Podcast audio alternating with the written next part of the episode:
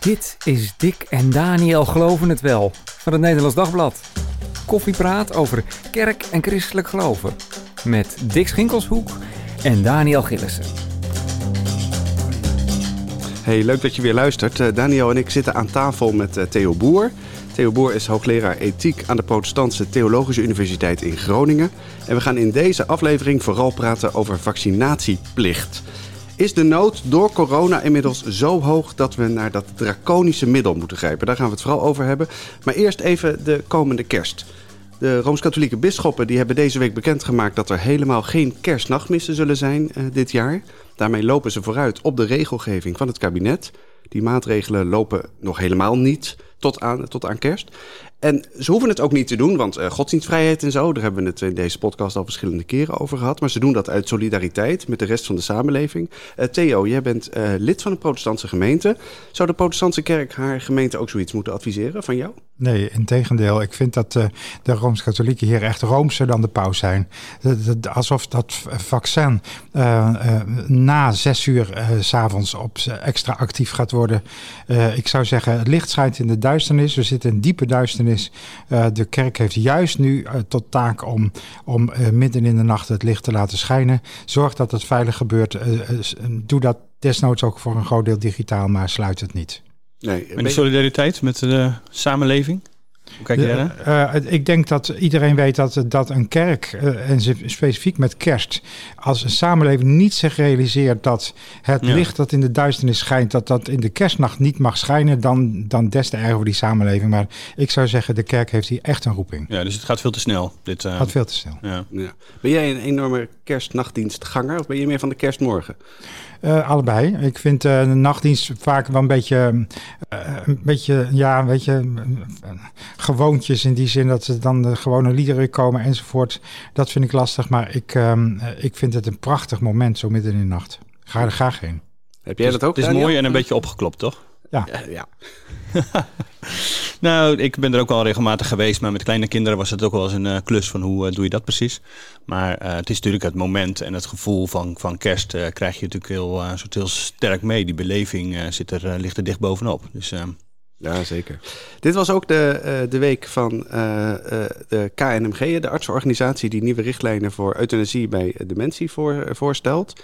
Dat is artsen die de, dus de, kijk, Stel er is een, een, een schriftelijke wilsverklaring van een patiënt die uh, op het moment van euthanasie zelf daar, daar niet meer over kan, kan communiceren. En dan krijgen artsen mogelijkheden om toch tot, tot euthanasie over te gaan. Is nodig deze, deze nieuwe richtlijnen? Ja, de KNMG doet het helemaal zo gek nog niet. Kijk, je moet je realiseren, in, in april 2020 heeft de Hoge Raad gezegd dat als iemand wilsonbekwaam is geworden en een wilsverklaring heeft, dan mag, dan mag een dokter die persoon euthanaseren. En, en vervolgens heeft de Hoge Raad ook gezegd dat je, je, hoeft dan die persoon eigenlijk niet meer strikt genoeg te vragen uh, uh, of, of die wel dood wil, want misschien weet hij helemaal niet meer wat dat is.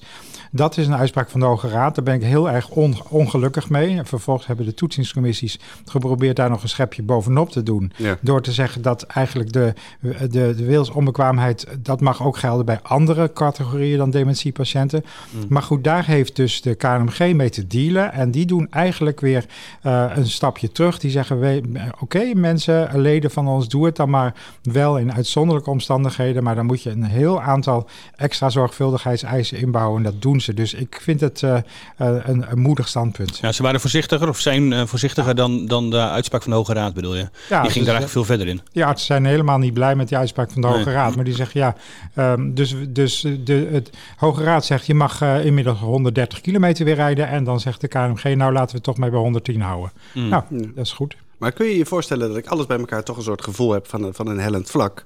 Bijvoorbeeld het risico dat een, uh, een dementerende patiënt tegen dienst wil geëuthanaseerd wordt, hè, vanwege een oude uh, wilsverklaring van, van misschien wel jaren terug, zou dat, zou dat risico niet zwaarder moeten wegen dan, uh, dan een, uh, een dementerende patiënt misschien die tegendienst wil, geen euthanasie krijgt. Ja, als, dat klopt. Als, als, uh, als dat gevaar er is, dan. Uh, maar ik denk dat dat bij de huidige nieuwe, moet ik zeggen, KNMG-richtlijn niet zo'n groot risico is. Kijk, een oude verstofte wilsverklaring is nooit, never nooit een reden voor euthanasie. Dat gebeurt gewoon niet.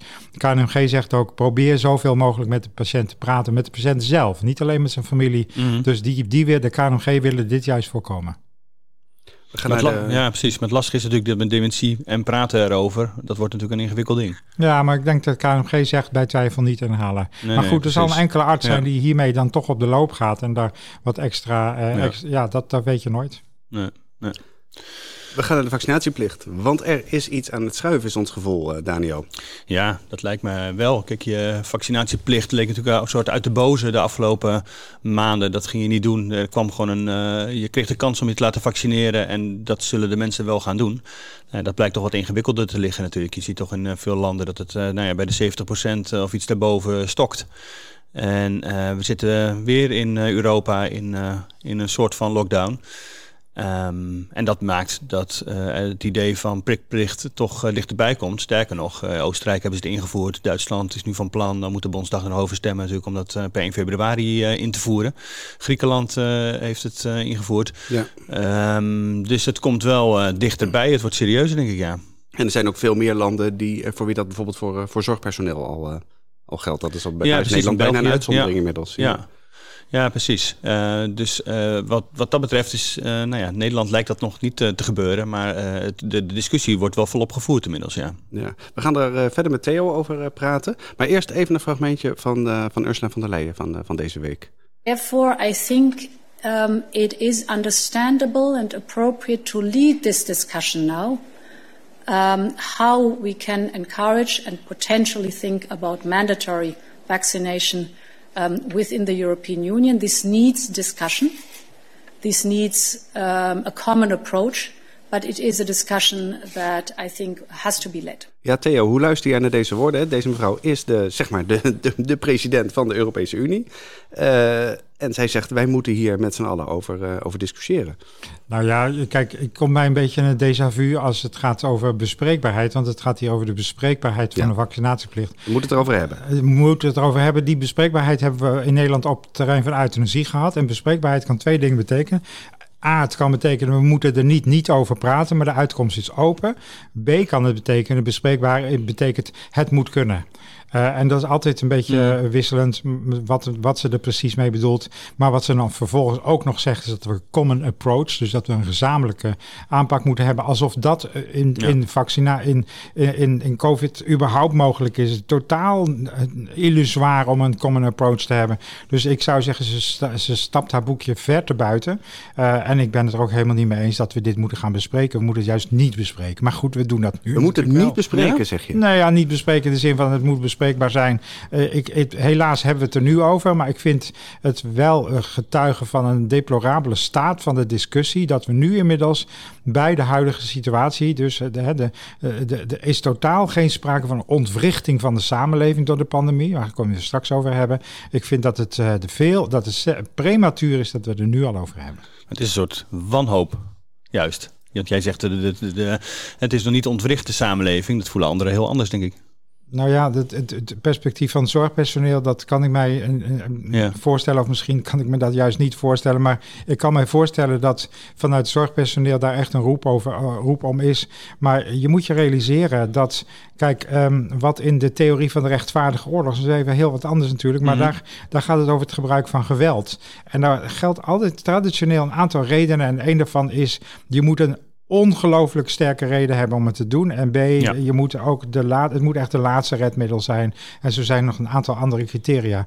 Nou, die eerste, die dwingende reden, die zie ik nog niet. In die zin mm -hmm. dat er uh, nog, er is geen sprake van een ontwrichting van de samenleving. Er, is een, uh, uh, er liggen een, een 500, 600 mensen op de intensive care en enkele duizenden in de ziekenhuizen. Dat is heel erg. En ik zou ook dringend mensen willen verzoeken om zich te laten vaccineren. Maar voor dat draconische uh, maatregel van de, de, de, prikplicht vind ik dat totaal nog geen aanleiding is. Ja, maar moet je er juist niet over praten voordat je inderdaad die, uh, die grens uh, nadert? Want juist op het moment dat dat er dan echt code zwart zou zijn, dan denk je, ja, dan is het ook te laat, hè?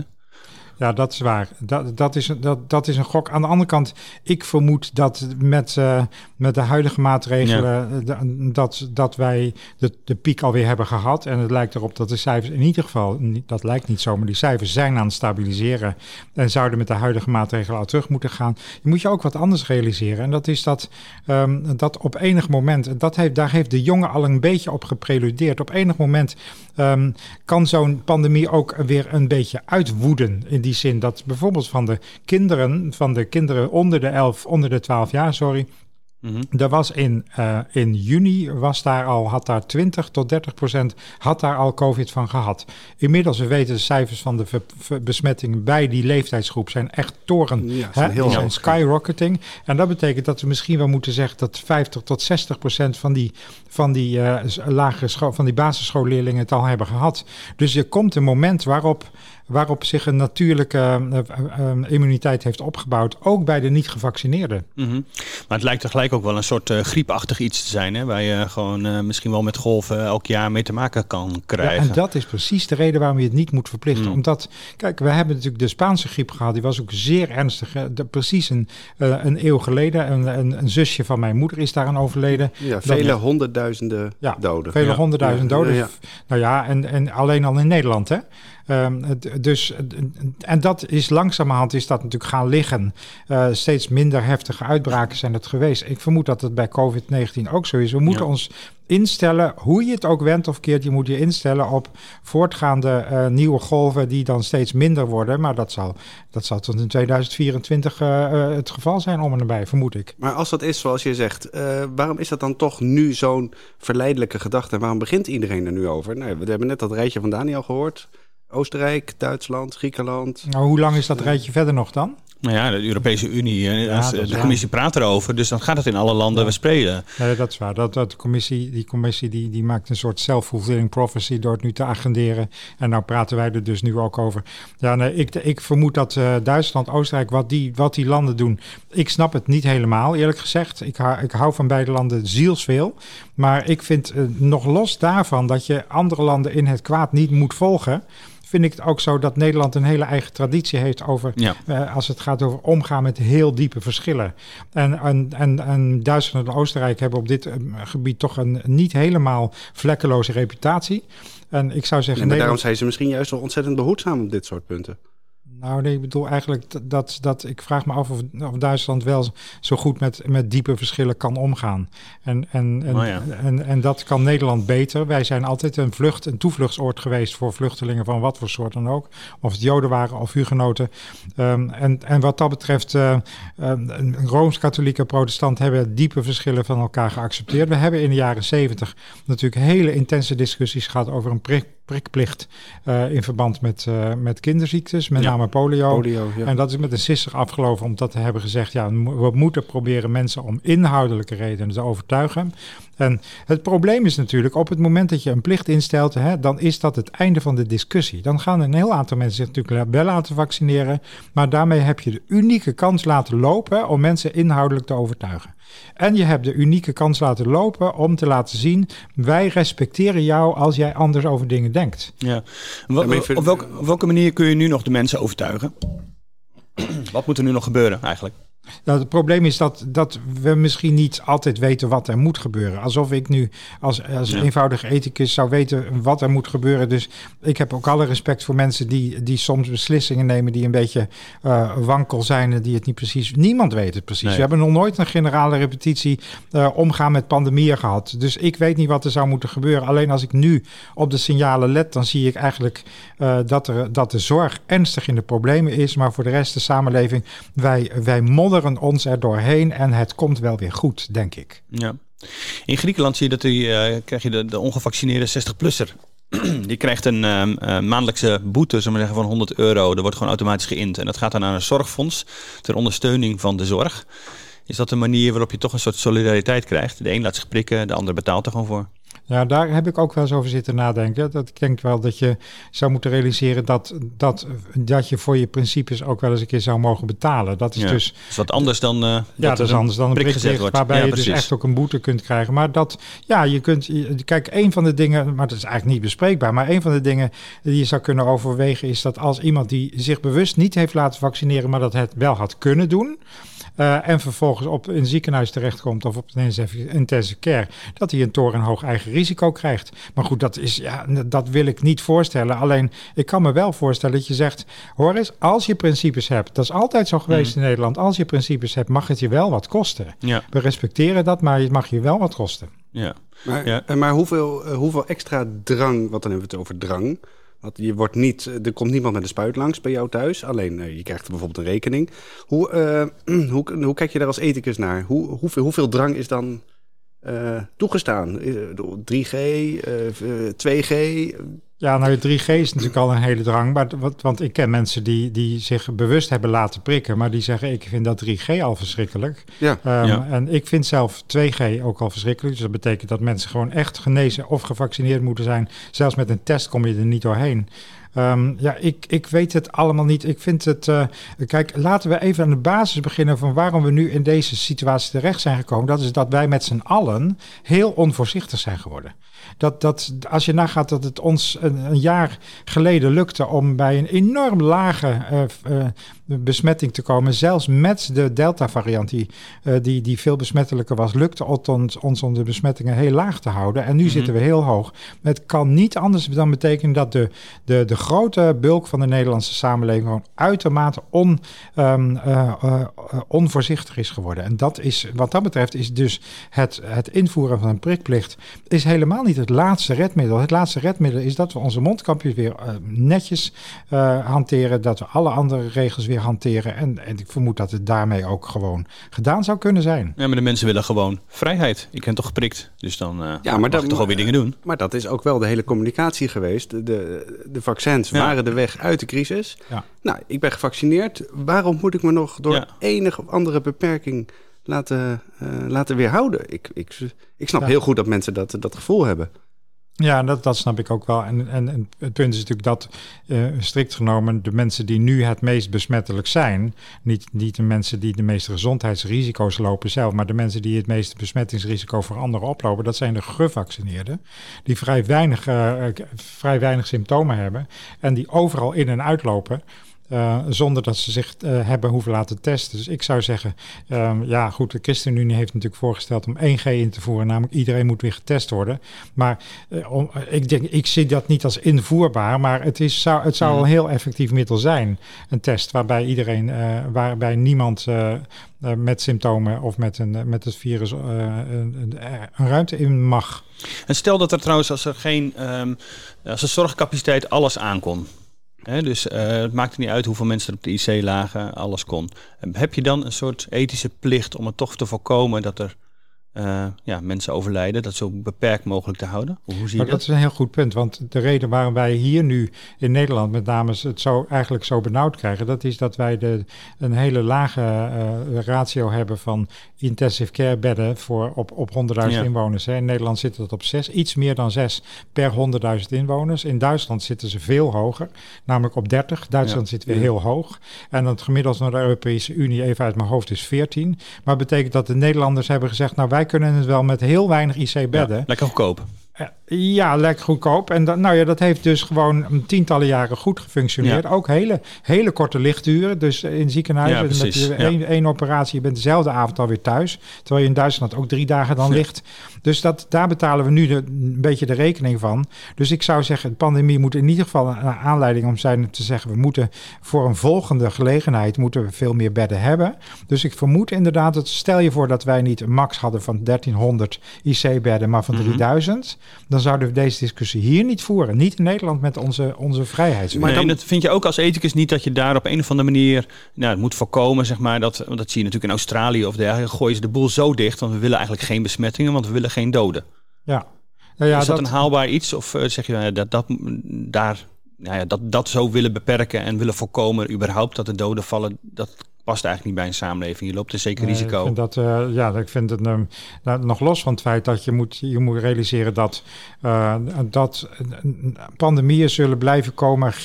De, de, de griep zelf, Ja. hè, die is ook dodelijk. Ja. Het leven zelf is trouwens ook dodelijk. Maar je zou kunnen zeggen, wat wij dus willen voorkomen is eh, premature, dus te, te vroege, te vroeg overlijden. Maar wat Ja. dat precies is, weet ik Ja. niet. Maar te vroeg Ja. overlijden. Kijk, als wij per, per se eh, overlijden zouden willen voorkomen, dan moeten wij ook motorfietsen gaan, gaan verbieden. Moeten we ook het roken eh, stevig gaan aanpakken en zeggen verbieden. Want er zijn echt duizenden doden. Dus meer doden per jaar door roken dan door COVID. Misschien Nou, moeten we dat dit is niet verbieden dan, Theo. Moet ja, je niet gewoon zeggen van eh, ah, afgelopen met dat, met, dat, met dat roken. We Ja, gaan halen dat- het gewoon uit de handel. Ja, dat weet je, dat, dat, maar de, de, de vraag die je, de, de vraag stellen betekent dus dat je impliciet een visie op de samenleving hebt, waarbij eigenlijk de staat een soort almachtige, eh, een, een almachtige mm, heerser is die zegt van Ja. dit is goed voor jullie. En zo zitten wij niet in elkaar. Ehm, Maar soms weten we juist wat goed is, toch? We weten best Ja, wat goed is. ja, maar Ja, kom op, maar- Daniel, daar moet je toch helemaal niet, niet, niet aan denken. Een staat die in alles voor jou gaat bepalen wat, Maar staat goed bepaalt is. toch al van alles en nog wat wat goed voor me is. Die zegt van, eh, we moeten zoveel belasting betalen, want het is goed voor je. Want we gaan er ook allerlei goede dingen van doen. Ja, Dat gebeurt ook. Ik vind het dus echt alarmerend dat uitgerekend onder D66, want die zie ik echt wel als een spin in dit hele web. Mm. Met alle respect, maar de VVD is op dit punt echt veel liberaler. Maar eh, dat de D66-hoofd heeft zien in- ingevoerd te krijgen dat wij met z'n allen worden geacht om donor te zijn, van, hè, van eh, orgaandonor te zijn. Tenzij we nee hebben gezegd. Dus daar, zit het, daar is de bewijslast omgekeerd. Ja. Eh, ik, ik zou zeggen, een, een samenleving is buitengewoon belangrijk. En ik heb de samenleving lief. Het is ontzettend leuk om deel te zijn van de samenleving. Maar het komt van onderop. Het gaat van het individu uit, via, van het individu uit via kleinere gemeenschappen als gezinnen, families, eh, kerken, verenigingen. Gaat het naar boven en het is niet top-down. Ik heb ooit in de DDR gewoond. En daar weet Dick Schinkelzoek ook alles af eh, vanaf. Want die promoveert op een, eh, een prachtig onderwerp in dat... eh, Dick, daar gaan we nog hè? eens over praten. Hè? Ja, nee, maar dat is echt een over praten. prachtig onderwerp en daar is hij bijna mee klaar. Maar eh, ik heb in de DDR gewoond en ik heb gezien wat het betekent dat de staat van bovenaf weet wat goed is voor zijn Ja. burgers. Ja, dat kan totaal uit de hand lopen. Dat is al bezig uit de hand te lopen.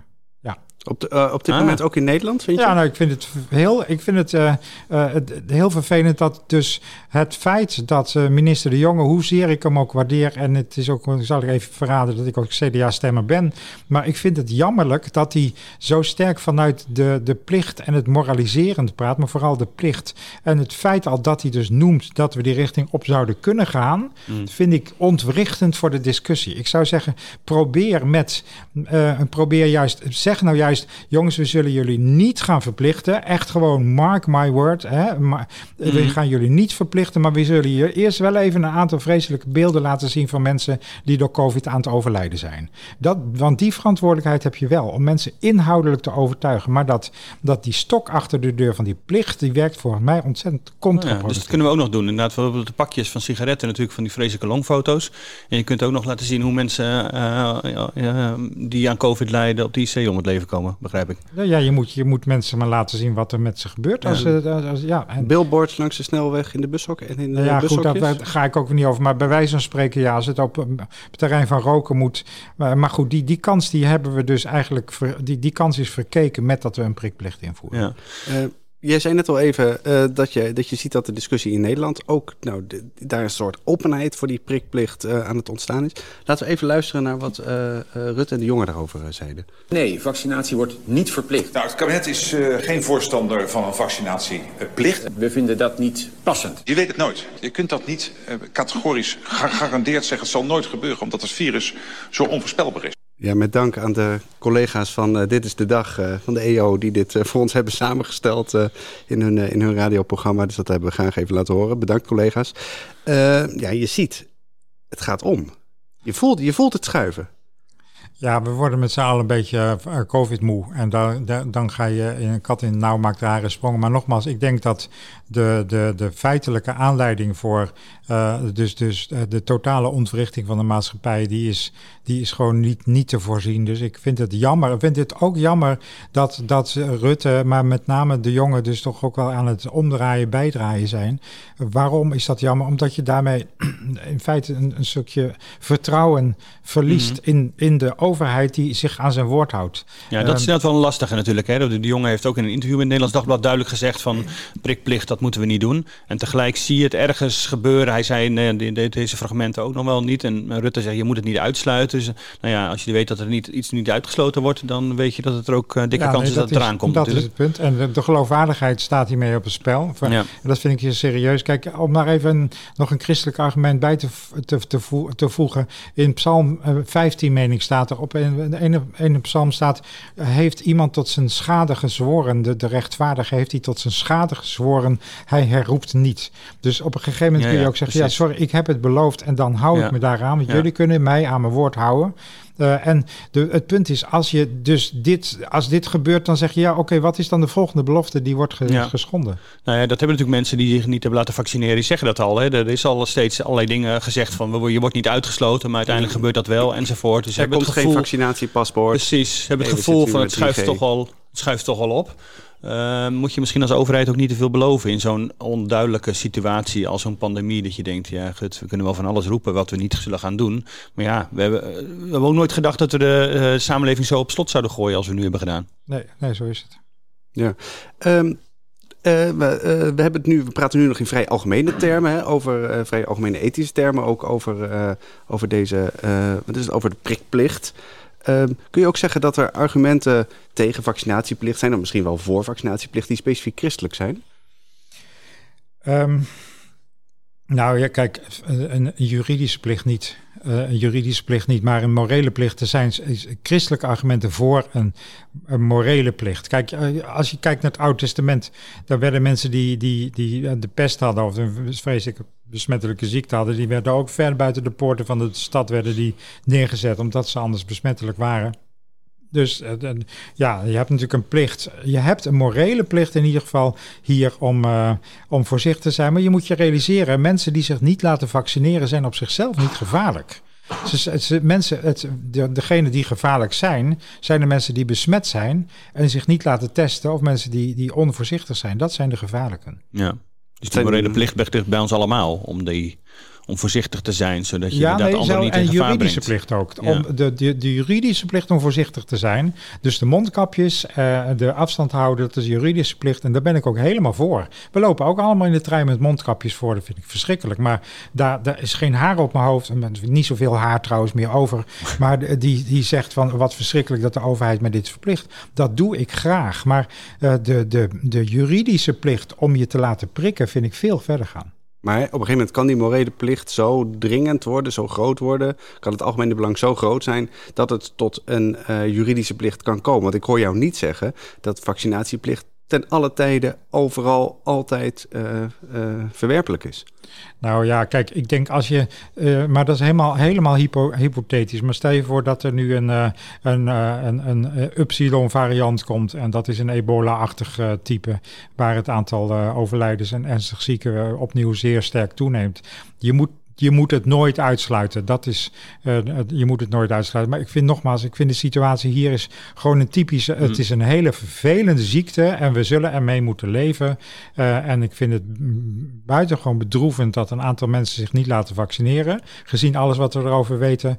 Uh, maar ja, dat, meer wil ik er eigenlijk niet over zeggen. Nee, maar het belang van het collectief kan, gaat wel eens boven het individuele belang. Dat gaat zeker eh, af en toe boven het individuele belang. Maar je moet altijd je realiseren dat het, het verplicht stellen van de medische behandeling, want die, dat is dit, dat is toch echt een ongelooflijk noodmaatregel. Dat is een trendbreuk van je welste.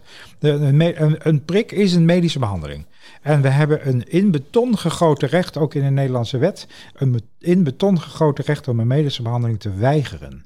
Um, dus als je dit principe overboord zet, ja, dan moet het echt gewoon, uh, gewoon het, het gebouw in lichte laaien staan. En ja, dus dan krijg je een beetje wat je uh, hey, hoofdgetuigen die een kind niet willen, geen bloedtransfusie willen, dat je ze uithoudelijke macht ontzegt, uh, zet op dat moment. Dat is toch wel gebeurd? Ja, dat is ook gebeurd. Dat vind ik trouwens ook lastig. Want dan mm. zou ik zeggen, doe dan een moreel beroep op ze. Maar ik, ik, dat vind ik nog weer een heel ander probleem, omdat je daarmee ook weer in die ouderlijke macht komt.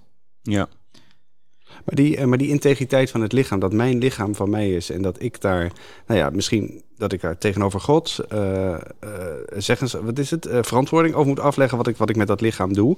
Maar dat niemand anders over mijn lichaam gaat, dat is toch een soort fundamentele gedachte in de christelijke ethiek. Dat, Ja, eh, dat vind ik ook. Het is een fundamentele gedachte in de christelijke ethiek. En moet je niet aankomen. Ja, en, en vanuit theologisch opzicht, eh, dus dat wil ik vooral beamen. Maar goed, dat hebben we dan nu. Het is echt wel duidelijk. Maar het andere punt is, ehm, eh, je moet je ook realiseren dat er zit iets, en dat gaat zowel in de discussie over, eh, over, ehm, over organisatie als, als nu hier. Er zit iets van die maakbaarheid in. Dat, de- we, willen, eh, we worden overvallen door Mm. iets wat, wat, wat we verschrikkelijk vinden, die pandemie. En tegelijkertijd denk ik, misschien is deze pandemie ook alweer een mogelijkheid om ons te realiseren dat het bestaan grillig is. We proberen op allerlei manieren daar nu controle over te krijgen. Ehm, maar misschien moeten we ook gewoon zeggen, ja, mag ik dat nare woord gebruiken? Shit happens. Dat, ja, het is gewoon ehm, erg. Ja, er zijn best wel wat eh, christenen ook die zich specifiek niet laten vaccineren om wel allerlei diverse redenen. Is er iets, is er een argument dat ja, eh, christenen aan het denken kan zetten, moet zetten over, ehm, ja, kun je dat inderdaad wel weigeren? Zoiets als een eh, vac- vaccin in deze tijd. Ja, dan heb je het denk ik vooral over de rechterkant van de kerk. Die, die, want eh, dan, want daar, daar wordt natuurlijk eh, geweigerd. En ik zou, ja, weet je, die, discussie vind ik wel echt goed om te voeren. Eh, om ook met, met de orthodoxie. en met name de echt aan de rechterkant de orthodoxie te praten over, jongens, maar kunnen we nou alsjeblieft ook dit vaccin niet zien als een door God gegeven mogelijkheid eh, om, om die ziekte voor te zijn? Eh, dat, daar ben ik heel erg voor. Maar kijk, dat, dat goede gesprek wordt nu bedorven door een, een aanstaande prikplicht. Ja. zo dat hangt als een soort zwaard van Damocles nu boven, die, boven deze hele discussie. Terwijl we die discussie misschien nog helemaal niet uitputtend met elkaar hebben, hebben gevoerd. Dat is eigenlijk wat ik jou, wat ik jou Nee, hoor dat, zeggen. dat, is, dat is het punt. Dat die discussie hebben we nog niet eh, met elkaar gevoerd. En, eh, en je moet zeggen, het is een ongoing battle. Het is een, een strijd die voortdurend gaat. Dat betekent dat je, je moet voortdurend elke maand, elke week, elke, elke, eh, elk, elke maand moet je proberen mensen verder te overtuigen. Er zullen steeds meer over de streep komen. Daar ben ik van overtuigd. Maar er zullen ook mensen blijven die altijd blij- blijven weigeren. Overigens ook met een prikplicht zullen de mensen weigeren. En dan, daar wil ik nog ineens over speculeren. Maar dan krijg je natuurlijk toch ook een aantal mensen zich zozeer niet in deze samenleving zullen herkennen. Dat is natuurlijk het, het, Ja. het, het hele nare bijeffect. Radicaliseert nog verder dan. Ja, het radicaliseert. En, en eh, dat, dat mensen zeggen, nou zie je wel, dit, is, dit gaat totaal de verkeerde kant op. Een, een, een aantal van die mensen zullen dus nu omgaan en zich wel laten prikken. En een aantal van die mensen zullen zich volstrekt, maar dan ook volstrekt van de samenleving vervreemd gaan voelen. Ja. We hadden het net al even over, de, over die kinderen, die groep 5 tot, eh, tot, tot en met 11 jaar. Ehm, nou, de kans is vrij groot dat we die gaan prikken, volgens mij. Ik weet niet hoe jij daarnaar kijkt. Is dat een goed, eh, zou dat goed zijn dat we dat gewoon nou, gaan, daar is gaan de Gezondheidsraad nu over aan het nadenken. En, en het zit er dik in dat de Gezondheidsraad ehm, ehm, eh, st- straks in ieder geval de, de risicogroep van 5 tot 11 zal adviseren om te gaan prikken. Maar ze zijn er nog over gaan nadenken of dat dan ook bij de niet gevaccineerde, sorry, bij de gezonde 5 tot 11-jarigen zou moeten. Het punt is namelijk dat deze groep eigenlijk eh, uitstekend in staat blijkt om deze pandemie op eigen kracht te doorstaan. Ja. Dus Wat anders is dan bij de kinderziektes natuurlijk, waar ze het Ja, inderdaad... Ja. Precies, dus dan er is hier wel wat voor te zeggen om de kinderen niet ehm Ja, er zijn, eh, maar dan heb je dus niet over een prikplicht, maar dan heb je Nee. over de wenselijkheid van Precies. prikken bij 5 tot 11 jarigen. Nou, er zijn in heel sporadische gevallen, dus bij de gezonde kinderen, hè, want met kinderen met onderliggend lijden, daar moet je ze echt, Ja. daar ben ik echt van overtuigd, die moet je prikken. Maar de gezonde kinderen, nou, daar komt zeer uitzonderlijk, komt daar eens een keer een echte Ja. complicatie uit voort. Ja. En dat vind ik disproportioneel om daar, om daar op, op een prikplicht te gaan preluderen. Oké, wat eh, raakt jou persoonlijk het meest nu tijdens deze nieuwe lockdownperiode? Deze, dit, wordt de avondlockdown eh, genoemd.